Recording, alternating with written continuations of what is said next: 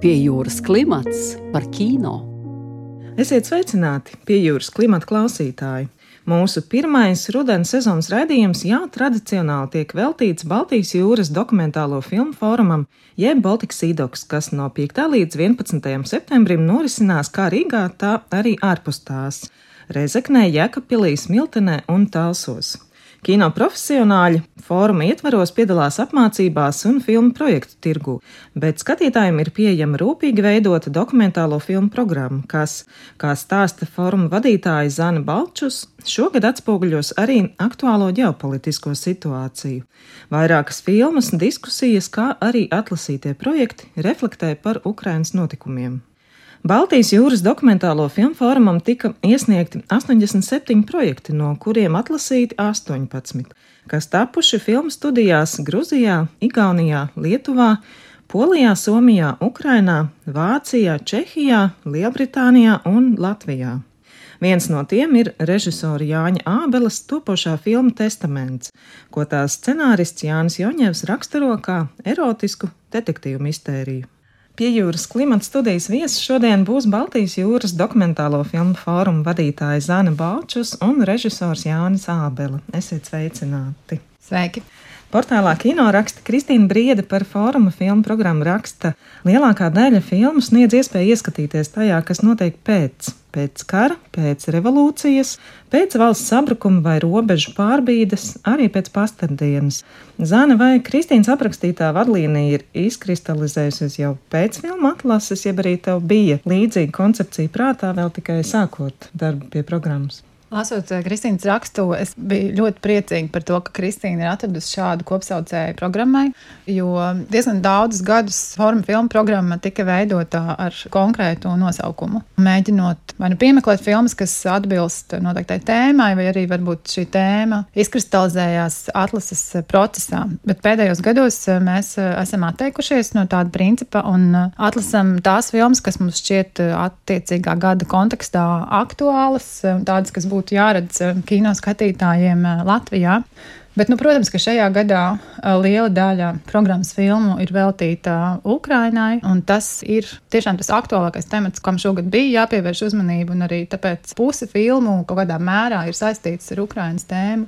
Vai nu tie ir filmu veidotāji, kas ir no Ukrainas, vai arī tā ir tēma, kas skar Ukrainu un arī politiskos notikumus. Tas, protams, ir aktuālā tēma, kur mēs nevarējām apiet šī gada programmas izveidē. Jā, tā tad tas ir krīmas dārgumi, Hamlets sindroms, ārpusē arī atklāšanas filma Trausla atmiņa. No kādiem aspektiem viņas skatās uz Ukrainas vēsturi arī tagad?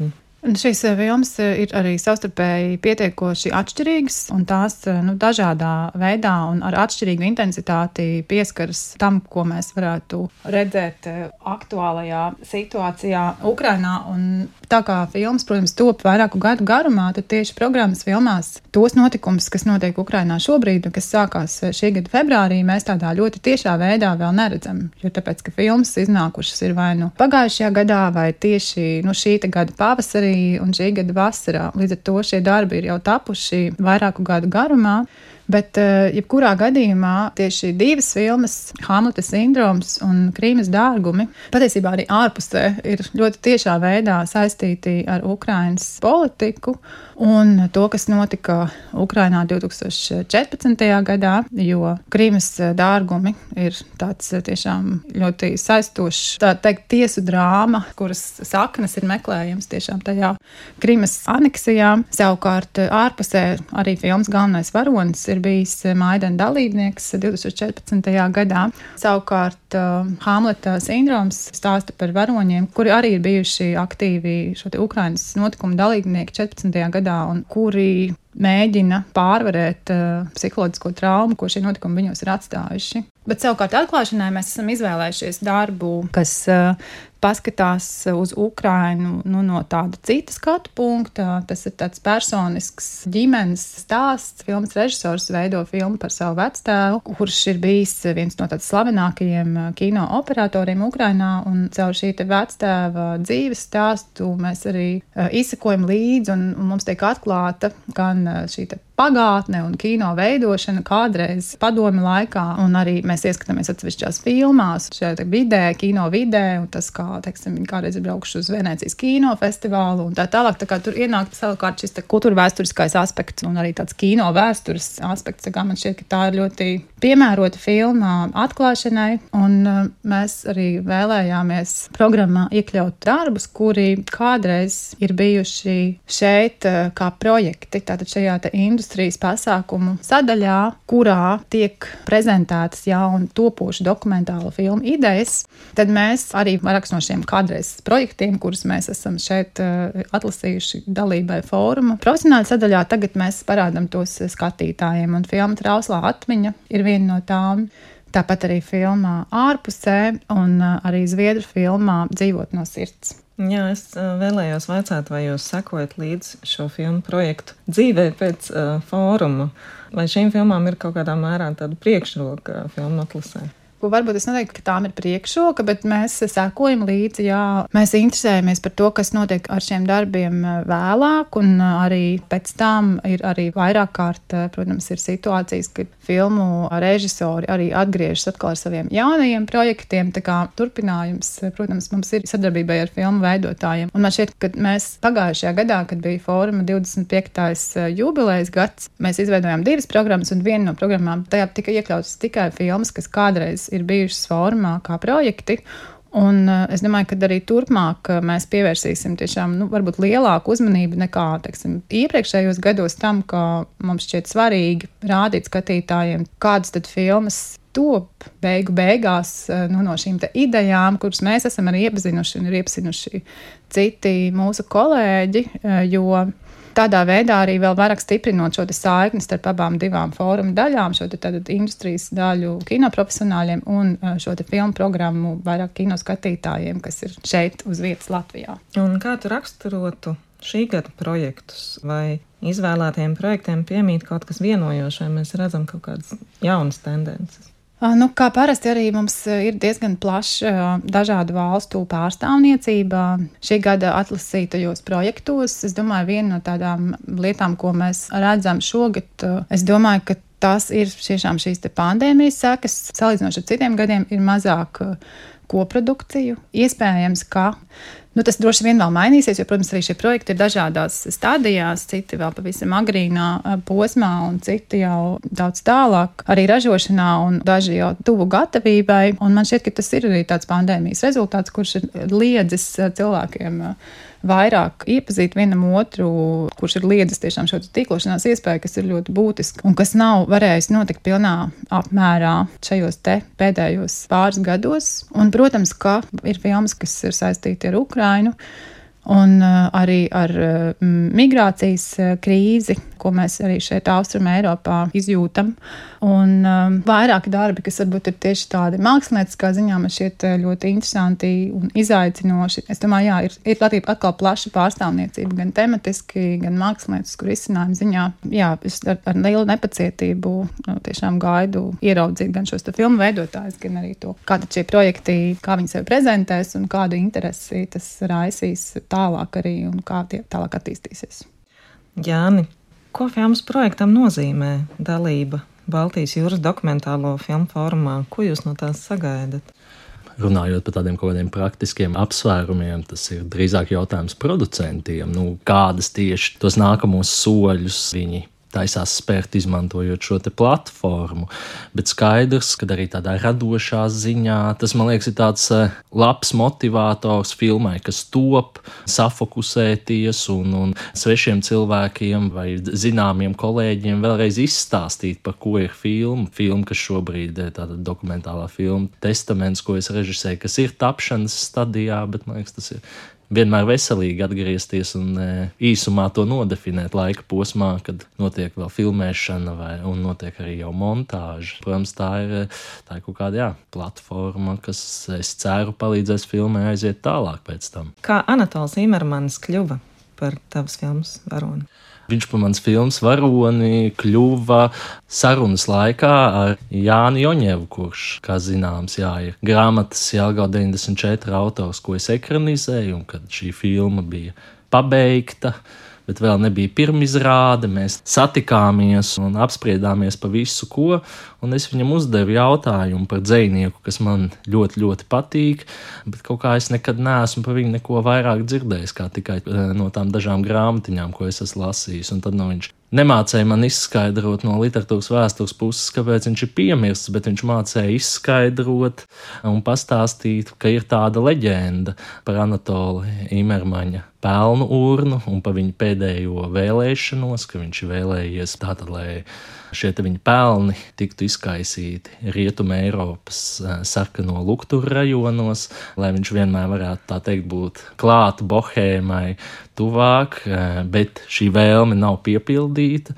Un tad kino jau mēdz teikt, ka nav tādi oriģināli stāsti. Mēs vienkārši katrs autors izstāsta šos mūžīgos stāstus kaut kādā savā jaunā veidā, ietekmēties no apkārtējās pasaules un no sava redzējuma. Bet, nu, ja godīgi tajā mirklī, kad viņš man toreiz to stāstīja, man šķita, nu, jā, protams, tur tādas mūžīgas tēmas arī var pievilkt, bet šis ir samērā oriģināls stāsts, tādā pozitīvā ziņā ļoti dīvains. Un tas tad, nu, bija tas pamats veidot dokumentālo detektīvu, kas arī kaut kādā ziņā labi savēlkās ar pašu Anatoliju Imermanu, jo daudziem, un lielākoties viņš ir pazīstams kā dokumentālo stāstu autors, un tad, nu, tad šī filma ir tas viņa pēdējais detektīvs. Jā, šo žanra paveidu min arī producents Guns Trekters, ka tas ir dokumentālais detektīvu stāsts. Vai jums ir kaut kādi piemēri dokumentālajā kino, ko jūs izmantojāt, lai paši sev noformulētu, kas ir dokumentāls detektīvu stāsts?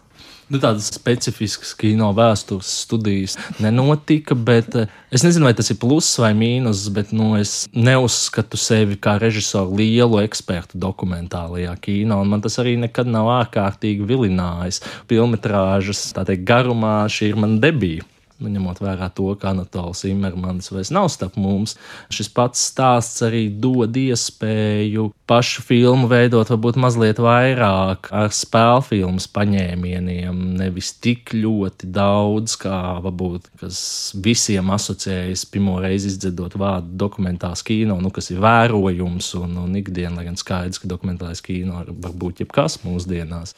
Atgriežoties pie dokumentālā detektīvu pētījumiem, jā, bija filmas, kas tika skatītas, un no tām tika paņemts šis un tas, un arī no spēļu filmām, gan detektīviem. Mēs arī cenšamies būt mazliet komiski un rotaļīgi, un arī parotaļāties mazliet ar šīm vispārīgi spēļu filmu detektīvu klišejām. Un, nu, kad mums ir šis detektīvs, kas dzēna rokā, tā kā jā, ir ņemts gan no dokumentālā kino, gan no spēļu filmām, bet es teiktu, ka pat vairāk varbūt no spēļu filmām, bet skaidrs, ka šis tas ir paskatīts un iedvesmas pasmeltas, bet es teiktu, gluži varbūt ne tik daudz no detektīviem, dokumentālajiem, kas droši vien asociēs kaut kādu to investigation, izmeklēšanas dokumentālajām filmām, bet drīzāk tādām, kas pārkāpj žāna robežas. Tad tā varētu būt drīzāk nevis tāda konvencionāla portreta filma, bet piedzīvojuma kino.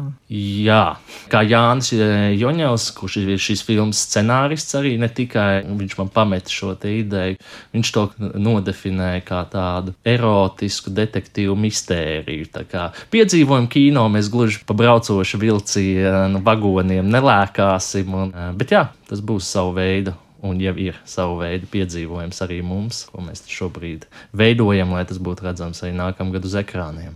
Formā jūs projektu piesakāt kā divu producēšanas kompāniju kopdarbu. Viena ir jau labi pazīstamā ego mēdī, bet otra ir, manuprāt, jaunums Latvijas kino vidē. Es tagad nezinu, vai es pareizi izrunāšu nosaukumu. Šalānu filmas. Jā? jā, tieši tā. Kas ir šī apvienība? šī apvienība ir eh, pandēmijas laikā manis dibināta eh, studija, kuras pamatmotīvs bija divas īsmetrāžas filmas ko es sapratu, ka varbūt kaut kādā veidā ar šo īsmetrāžas formātu un, un Latvijas šīm budžeta iespējām īsmetrāžas kino nav varbūt gluži vērts iet pie lielajiem producentu kantoriem un, un mēģināt izbrīvēt laiku viņu aizņemtībā, bet drīzāk, jā, tie tādi maza mēroga projekti, kurus kaut kādā ziņā piesaistot cilvēku, var paši tikt galā un kaut kādā ziņā daudz efektīvāk. Un ar šo tā arī mēs sākām īsmetrāžas dokumentālo filmu 81 metrus, ko mēs pagājušajā gadā uzņēmām un ar producentu Dītu Birkensteinu kopā. Un tā koproducēšana izpaudās tādā ziņā, ka mēs principā attīstījām šo dokumentālo stāstu, nofilmējām šo tīzeri un tad jau devāmies pie Gunta Trektera un Ego mēdīs, lai tad pieredzējušākas studijas aizmuguri un palīdzību virzītu šo projektu efektīvāk uz priekšu.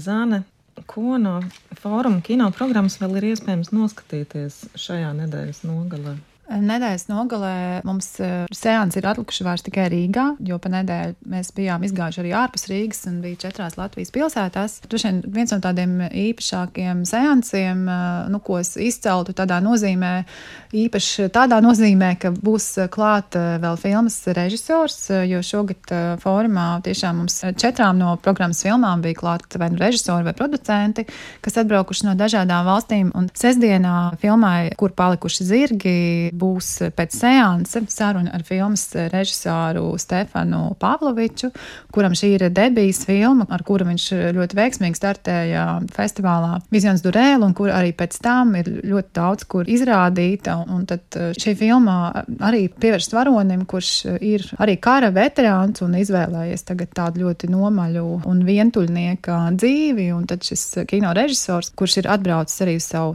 vecvecāku dzimto zemi, pamazām rod kontaktu ar šo cilvēku. Un tas, kas mūs uzrunāja šajā darbā, bija tieši šis stāstā, stāstīšanas veids, kurā īpašā loma ir gan balsī, tad balsī, kuras to stāsta šajā valodā, teksts, kas tiek reizēm rakstīts uz ekrāna, kas paskaidro, un arī caur kuru šo rakstīšanas procesu mēs arī redzam to, ko režisors gribētu pateikt, bet varbūt valodiski viņam to ir grūti izdarīt, un tas tiek tam kā tāds palīgi līdzeklis tiek izmantots šis rakstītais teksts, un arī šis nosaukums, kur palikuši zirgi, ir tāds nedaudz mīklains, un patiesībā arī skatoties filmu, šis jautājums visu laiku skatītāju arī neatstāja, jo tas arī ir kaut kas ļoti netverams un mudina domāt par to, ka nevienmēr visam ir jābūt ļoti skaidram un nepārprotamam, bet šī noslēpumainība saglabājas. Tas ir tāds sēns, kurā būs klāt arī vēl filmas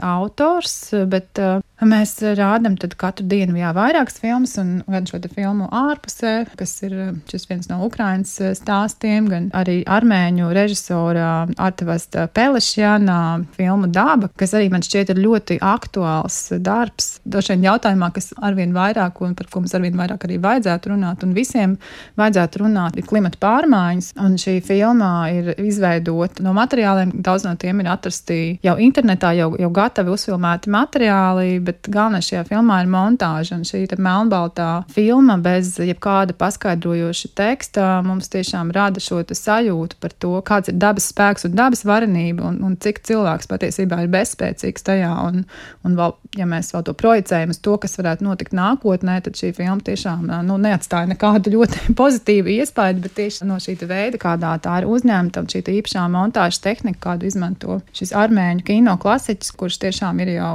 savas karjeras laikā uzņēmis patiesībā ļoti maz filmu, bet tās visas ir ļoti līdzīgā manierē veidotas, tieši montāžas principos balstītas. Tā kā, man liekas, arī šī ir tāds īpašs sēns, ko es ieteiktu noskatīties. Tad tiekamies kinoteātrī. Paldies jums par sarunu. Studijā viesojās Zana Balčus un Jānis Ābela. Pie jūras klimatu vadīja Sonora Broka un Monteja Judīta Bērziņa. Raidījums tapis ar valsts kultūra kapitāla fonda atbalstu.